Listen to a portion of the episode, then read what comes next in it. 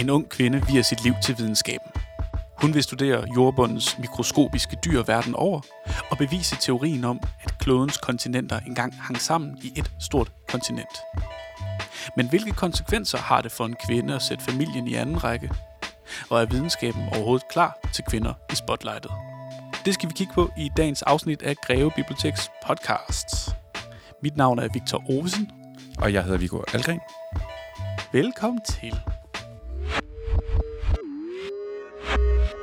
Vi skal snakke om øh, den her bog, som hedder Kvinden, der samlede verden i dag. Ja. Den er skrevet af Eva Tind, og øh, den er udkommet i år faktisk. Ja, den er spritny. For en gang skyld tidligt ude. Mm. Øhm, hvad handler den om? Jamen, den handler jo om øh, Marie Hammer, hmm. som er en rimelig overset øh, forsker i dansk historie. Og øh, historien om Marie Hammer har øh, forfatteren Eva Tind altså øh, øh, samlet op. Hun har øh, stødt på den her øh, øh, oversette skikkelse i dansk videnskabshistorie, og har så lavet en roman, øh, der går ret tæt på hende, og faktisk jo øh, altså helt ind i psykologien. Ja, altså det er jo en øh, biografisk roman, men, øh, men Eva Tind går også over grænsen, altså at gøre det fiktivt, ja. når hun vælger at give nogle følelser og beskrivelser af den her historiske figur, som hun jo ikke kender. Ja. Øhm, men det giver altså en super fin nerve. Helt sikkert. Og øh, det er det, man med et øh, fint begreb kalder exofiktion. Ja. Men det skal vi komme ind på lidt senere. Yes. Hvad det er for en størrelse. Vi skal også øh, snakke om kvinderoller og videnskab og familie. Og øh, så skal vi også lige snakke om, om det egentlig er en vellykket roman. Det synes jeg også. Velkommen til Greve Biblioteks podcast. Du lytter til Lytteklubben, afsnit 14.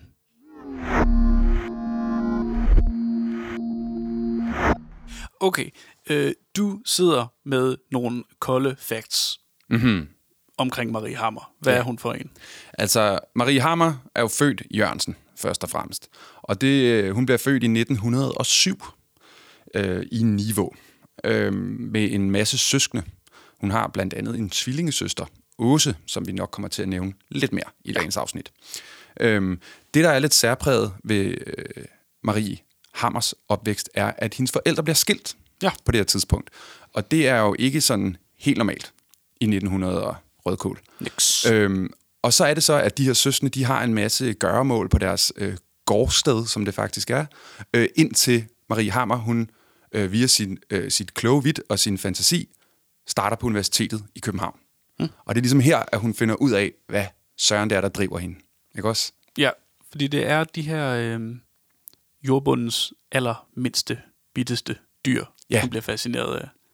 Nu er der jo ikke nogen af os, der er naturvidenskabeligt begavet på den måde. Nej, jeg er næsten ubegavet, tror jeg. Så er det jo dejligt, at der er danske forfattere, der er så elskværdige at skrive om øh, videnskabsfolk. Ikke? Jo, Øhm, tak. Men hvad er det, øh, Marie Hammer, hun øh, er interesseret i med de her modsmider? Ja, altså, hun vil gerne bevise den her kontinentaldriftsteori. Sig. det siger jeg aldrig igen. Men øhm, det går sådan set ud på, at øh, de forskellige øh, verdensdele, altså kontinenterne, engang har været samlet i et kontinent. Jeps. Øhm, og det kan man måske bevise ved at studere mikrofaunaen. Jeps. Fordi hvis den går igen på tværs af jordklodens forskellige kontinenter, så er det nok ikke den her mikrofauna, der har vandret fra Sydamerika til Europa, men nok snarere en mikrofauna, som er meget, meget gammel og har eksisteret side om side, og så via kontinentaldriften blevet adskilt. Det var sgu da ikke så svært. Jeg har også øvet mig lidt. Ja. Øhm, og det er jo sådan en, øh, en meget flot teori, rent videnskabelig, men den har jo også nærmest sådan en tematisk betydning. Ikke? Jo, jo. Det må man sige. Altså, øh, det øh, hun kommer selv lidt ind på det, øh, Eva Tind, men det er den her sådan dobbelte bevægelse, der ligesom er i bogen, ikke også, at Marie Hammer zoomer ind på noget mega småt, Ja, for at bevise noget, som er mega stort. Ikke? ja præcis. Ja. Altså sådan øh, kontinenterne, de her kæmpe landmasser, øh, kan vi lære noget om og sige noget definitivt om, fordi vi går fuldstændig absurd tæt på øh, jordbunden. Ikke? Jo, Det Jo. virker sådan næsten øh, øh, kontraintuitivt, ikke? at det kan lade sig gøre. Men, øh, men, men sådan er videnskaben nogle gange. Ja, det store er i det små. Ja, fuldstændig. Øhm. ja, og så den der anden bevægelse, som er, jo mere man samler verden, jo mere skiller man måske sin familie ad. Fuldstændig, fuldstændig. Og det er jo det, der er tragedien på en eller anden måde. Ja. Øh, uden at vi skal øh, sådan øh, fortælle alt, hvad der sker, også hen imod slutningen af romanen. Men øh, det har jo en pris, det her med at, at fjerne sig fra sine øh, børn. Øh, også emotionelt, ikke? Præcis. Så sådan, det er sådan en klassisk øh, figur egentlig fra litteraturen, det her med, at man vinder en masse og taber en masse undervejs. ikke? Ja. Det bliver hele tiden sådan en balancegang for Marie Hammer at studere og forske og elske og have familie og have søskende. Og for, altså i det hele taget bare være menneske samtidig. Ja, ja. Så det, det indebærer jo en masse forelskelser og øh, en masse konflikter med familien. Og, øh, øh og det er jo også det der, som er et af romanens sådan brandpunkter. Hvordan er man en kvinde i noget, som øh, på det tidspunkt er en mandsdomineret verden, ikke også? Vi snakker 30'erne, da hun går i gang, ikke? Ja. Og øh, kvinder er ikke sådan sindssygt godt repræsenteret på universiteterne, øh, hverken som studerende eller i forskerstillinger. Øhm, men det lykkedes hende ligesom at, at komme med øh, som ene kvinde på en øh, Knud Rasmussen-ekspedition. Ja, Øh, som den første kvindelige forsker overhovedet. præcis. Øh, og det synes jeg, romanen beskriver ret fedt, de her sådan, passager, hvor hun skal ligesom balancere mellem mm, at være i sit køn, men også ligesom øh, skulle øh, bevise, at hun ikke er sådan at sige ski til.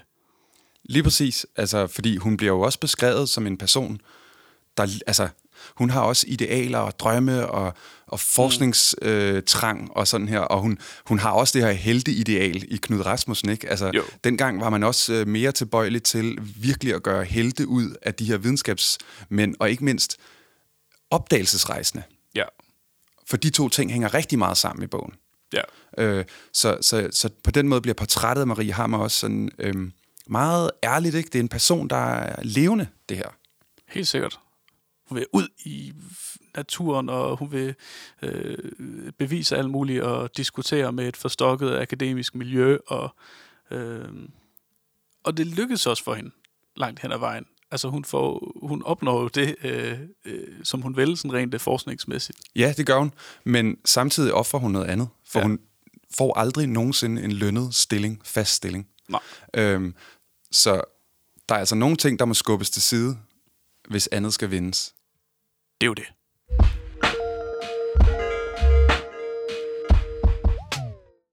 Så hele vejen igennem romanen er der den her konflikt mellem den stringente, målrettede videnskabskvinde, og så det her menneske af kød og blod, som jo bliver forelsket og såret og har begær og har savn og alt sådan noget. Mm. Øhm, jeg synes beskrivelsen af de der ungdomsforelskelser, de er vildt gode. Ja, altså hun, øh, da hun starter med at studere, blev hun forelsket i den her mand, der hedder Thorsen bare, ikke? Ja. kalder hun ham, Thorsen. Og det er jo ikke en forelskelse, som man kender den, hvis man har været gift i 20 år, vel? Nej. Det er besættelsen. Helt sikkert. Den, det, den, det, den, det bruser i blodet. Fuldstændig, og altså, man fornemmer sådan næsten sådan lidt galskabslignende tilstand, ikke? Ja. Altså, det, det, det er noget, hun kan rigtig fedt, synes jeg, Eva Tind. Øh, I hvert fald den her roman. Øhm, nogle gange lege lidt med nogle virkelighedsniveauer, ikke? Ja, Øh, fordi første gang Marie Hammer ser ham her, Thorsen, øh, sådan øh, lyshåret, flot øh, yngling, mm. øhm, så er det næsten som om, at det er et syn, eller sådan, at, øh, at hun er sådan lidt psykotisk, eller sådan, Ja, ja. og vi finder aldrig rigtig ud af, om, om han rent faktisk står der, lige der første gang, hun ser ham, vel? nej. Øh, men øh, men, men det, det, det er ligesom den kraft, den første forelskelse har. Øh, og selvom det går i vasken, så går livet jo videre og sådan noget, ikke? Øhm, og så møder hun Ole. Ja. Øhm, Ole Hammer. Ja. Øh, så man kan jo godt regne ud, hvor den bærer hen. øhm, men øhm, det gør hun, når hun er, da hun er tilknyttet øh, Landbo, Landbo Højskolen. Ja. Øhm, men det er ikke sådan en fyr og flamme kærlighed, som det var med Thorsen. Øh, og i øvrigt, så er det også, hun allerede her står over for en vigtig beslutning. Skal hun forfølge sin drøm om sit frie studium, eller skal hun tage den sikre stilling, hun faktisk bliver foreslået her? Og så vælger hun ligesom at sige, Nixon Bæksen, jeg skal simpelthen med Knud Rasmussen på den syvende Thule-ekspedition til Grønland. Og så må Ole Hammer altså lige vente lidt. Ja, og det er jo der, øh, hun ligesom går imod øhm, den forventning, der er til en ung kvinde, mm. at øh, hun kan måske godt interessere sig for et eller andet, hun kan godt øh, måske endda studere, men når der ligesom kommer en mand på banen, så skal hun gerne pænt sætte sig i lænestolen derhjemme og strikke. Jeps, så må man slippe, hvad man har i hænderne, ikke? Præcis. Øh, og det nægter hun at gøre. Ja. Øh, jeg har fundet lige det her sted øh, i bogen, øh, som er den scene, hvor Ole Hammer øh, spørger den unge Marie Jørgensen, om hun vil gifte sig med ham. Mm. Øh, og her har hun altså lige en betingelse. Ja. Marie, siger han. Ja. Ole falder på knæ. Han er normalt anarkistisk, så knæfaldet virker akavet. Selvom hun har længtes efter, at han skulle fri, mærker hun et stik af sorg i hjertet, der hvor Thorsen stadig bor. Vil du gifte dig med mig? Det har vi jo aftalt. Det her er alvor. Hun træder instinktivt et skridt tilbage. Mente han det ikke sidst? Ole tager en æske op af lommen. Han åbner den. En tynd sølvring med en lille ravklump kommer til syne. Den er smuk. Der er dyr i den. En springhale. Ole, den er helt vidunderlig. Du kan lide den? Ja, ingen har nogensinde givet mig så værdifuld en gave. Og ja, lille fyr, selvfølgelig vil jeg gifte mig med dig, men løftet gælder stadig. Hvilket løfte? At du aldrig vil stille dig imellem mig og min forskning. Det vil jeg aldrig gøre. De sidder stille og er begge lidt forlegne. Ja, jeg synes, det siger meget om øh, den her dynamik, der er mellem dem, som fortsætter hele resten af bogen faktisk. Ja, ja. Jamen, så også, det er et godt stykke, du har fundet der, fordi at der er flere ting i det, som fortæller, hvem hun er, og, og hvem hun er øh, sammen med Ole. Ikke? Jo. Øh, der er blandt andet det der, at man lige får et skud ud til den tidligere kærlighed, som stadig sviger lidt med Thorsen. Øh, så er der det her med, at øh, hun kalder Ole for lille fyr, ja. som er sådan lidt kærligt. Men øh, hun er selv i løbet af romanen meget, meget opmærksom på, hvis hun bliver kaldt Lille Di, eller hvis han kalder hende Lille Marie, mm. så går hun fuldstændig amok. Det bliver hun virkelig vred over. Øhm, og så er der jo det her, det store øh, svar, hun giver. Altså, du skal aldrig stille dig mellem mig og min forskning. Ja. Så hun er også, hvad skal man sige, en fuldstændig målrettet person. Ikke? Fuldstændig. Altså, det er meget sigende for, for hvem Marie Hammer viser sig at være. Det er jo det. Øh, fordi hun lever jo øh, under det her vilkår, som er, at øh, hun forsker uafhængigt. Øh, hun er ikke ansat på noget universitet, så hun er ligesom afhængig af de her fondsmidler hele tiden. Ja.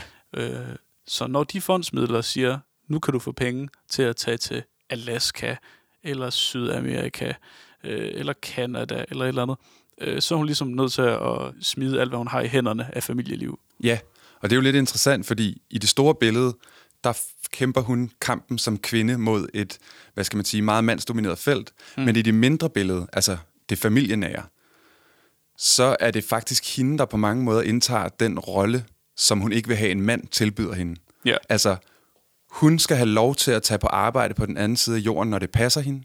Hendes børn og hendes mand skal ikke komme imellem. Og må ikke også hun lige møder en elsker eller to undervejs. Ja.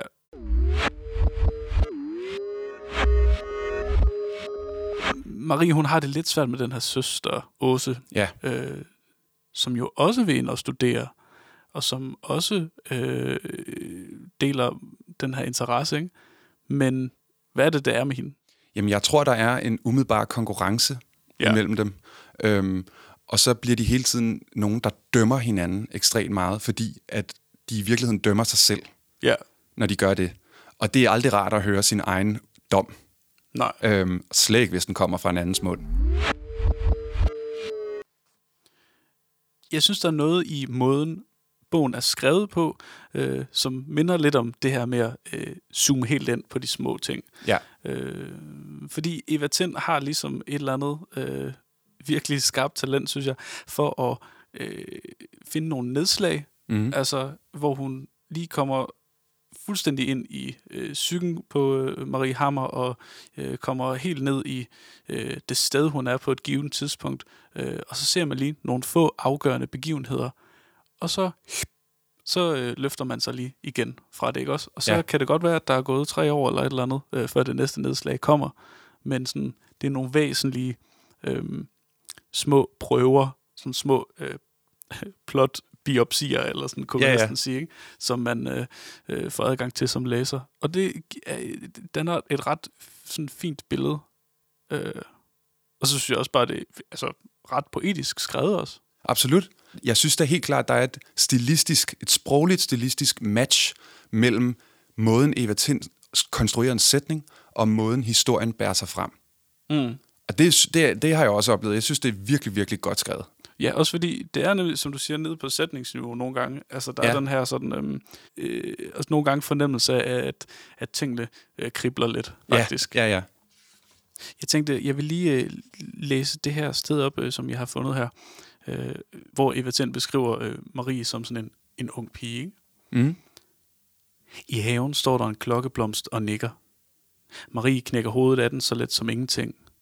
Fra roden vil der til næste år og året efter, og året efter gro en ny blomst. Flereårige planter har adskillige liv, flere end en kat. Marie har det lidt som blomsterne. Når foråret kommer, og alle vinterdyner, tunge, som var de fyldt med jord, bliver pakket i kasser og sat på loftet, vikler hun sin overvindrede krop ud af de tunge vinterklude. Men i år har hun svært ved at genkende sig selv. De underlige svulmende bryster, hulningen mellem lårene, der langsomt fyldes ud. En pige i en kvindekrop. Hun klipper sit hår så kort som hun kan, uden at andre begynder at forveksle hende med en dreng. Hendes blik er frygtløst og klart. Tungen ligger og hviler i mundhulen, blød og fugtig, men parat til at smelle når som helst. Det er sådan noget, det kan jeg altså rigtig godt lide. Ja, men det er jo der, hvor det går over og bliver poetisk, ikke? Fuldstændig. Og det, det er bare, det er super fedt, fordi at øh, den her roman er jo også sådan kronologisk forløbende. Altså det er jo, Ja. det er jo simpelthen bare en, eller bare, det er en beskrivelse af et liv, ikke også? Jo. Og så er det lige det her, der giver det det der, det er salten på maden, ikke? Det er sådan, det, det er sådan lidt lækkert, altså Ja. ja. det, det er virkelig fedt. Øhm, men, hvad, men, men den her nye øh, stil er jo også lidt en tendens, ikke også? Altså den her fiktionalisering af, af, af historiske figurer. Jo, som så mange øh, gode, fine begreber, man skal kende, så øh, kommer det fra Frankrig. Selvfølgelig. jeg mener, den franske litterat, som ligesom øh, pegede på, at øh, nu havde man i nogle år set den her tendens, vi kalder autofiktion, Ja. nemlig at øh, forfatterne øh, skriver med udgangspunkt i deres eget liv og beskriver øh, begivenheder, øh, der har været vigtige for dem, men ligesom giver sig selv lov til at øh, forvalte det stof, som om det var romanstof. Altså simpelthen komponere og øh, flytte om på ting, forstærke ting, udlade noget, øh, sådan at man ikke skylder virkeligheden noget, Mm. bare fordi man bruger den i sin roman. Og det er så det, som exofiktionen gør, øh, bare med historiske personer. Ja. Øh, den tager sådan nogle friheder. Og så er det jo, øh, man kan stille sig selv det spørgsmål, hvad er forskellen på exofiktion og en historisk roman, eller, eller en, bare en biografisk roman? Ja. Ikke noget.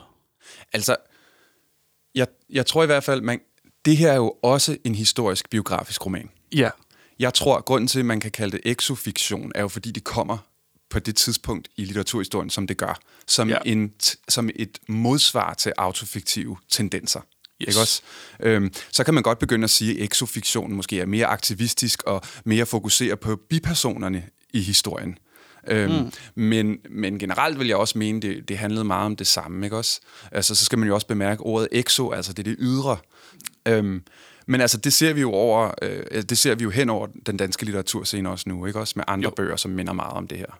jo, jeg var meget fascineret af den der øh, øh, Vivian Ja. af Christina Hesselholm, Ja, ja, ja. øh, som handler om Vivian Meyer, sådan en øh, gadefotograf, Ja. øh, som jo var øh, uopdaget. Øh, hun har taget nogle fantastiske billeder af folk på, på gader og stræder øh, i New York. Øh, men det er det først senere, da man ligesom, øh, der er nogen, der ligesom øh, roder igennem hendes dødsbo, at de finder ud af, at hun er en genial fotograf. Ja, ja, ja. Ja, og så er der øh, Jesper Bungsungs øh, Kvinde set fra ryggen, ikke? Altså, oh, ja. som had, handler om Ida Ilsted, som altså senere bliver Hammershøj. Ikke? Ja. Som jo er kvinden ved det kendte Hammershøj-maleri, altså motivet. Ikke? Jo, jo. Øh, og der er også øh, Lotte K. Andersen, øh, der fortæller om Inge Lehmann, som jo også er en overset dansk forsker, øh, som hedder Den Inderste Kerne, som ligesom forskede i jordens indre. Ikke Ja. også? Øh, og så kan man også sige, at Eva Tind jo tidligere har skrevet om, om Asta Nielsen, altså Jo, stumfilms øh, skuespilleren. Ikke? helt sikkert. Så, så det er nok en tendens, det er der ingen tvivl om. Men, men om det sådan er exofiktion, uden det er historisk biografisk roman, det tror jeg ikke, man kan sige. Nej, nej.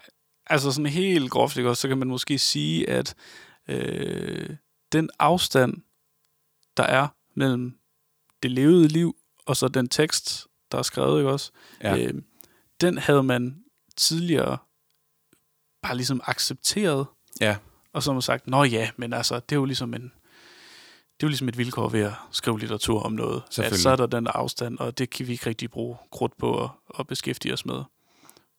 Men i dag så er man interesseret i at ligesom opholde sig ved den der lille afstand, der er, ikke? jo, jo. og så jo, skrive øh, faktisk ind i den, ikke? Jo. Og, og sådan kile sig ind i det der øh, øh, lille rum der, hvor alt det, man egentlig ikke kan øh, sige med sikkerhed, eller alt det, som er øh, øh, kontroversielt at gå ind og mene noget om, det er lige præcis der, man går ind og mener noget. Ja, det prøver man så her, ikke? Ja. Og det er måske også det, hvis man skulle øh, skille det ad, så kunne man måske sige, at exofiktive romaner altså måske mere har en leg med sproget, ikke?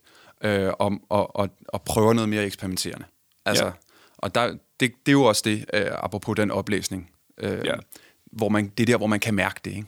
Jo, Øh, og jeg synes bare, at Eva Tind brillerer i det. Altså, det er Ja. sindssygt fedt at læse. afgjort. Ja, og så er den jo, altså, jeg synes, man flyver igennem den faktisk. Fuldstændig. Det er øh, en kvalitets-page-turner. Yes. Du har lyttet til Greve Biblioteks podcast, og det her det er altså Lytteklub nummer 14. Yeah. Og øhm, det betyder, at der skal også være nummer 15 jo. Ja, selvfølgelig. Og i den, der øh, tager vi fat i stilen fra Wayback. Yes. Øhm, vi har øh, gået rundt øh, en god, sund portion af os øh, her i sommer, og øh, sunget en øh, vis øh, nationalmelodi. Ja, det har noget at gøre med, at øh, når der bliver skudt til en hvid bold øh, fra det danske mandskab, så bliver man grebet af en stemning. Ja, Og så er der en sang over dem alle, og det er selvfølgelig vores nationalsang. recepten. Præcis. Nej, øh, det er selvfølgelig Der er det yndigt land. Ja. Og hvem er det nu lige, der har skrevet den? Øh, jamen, teksten er skrevet af Adam Mønslager. Ja.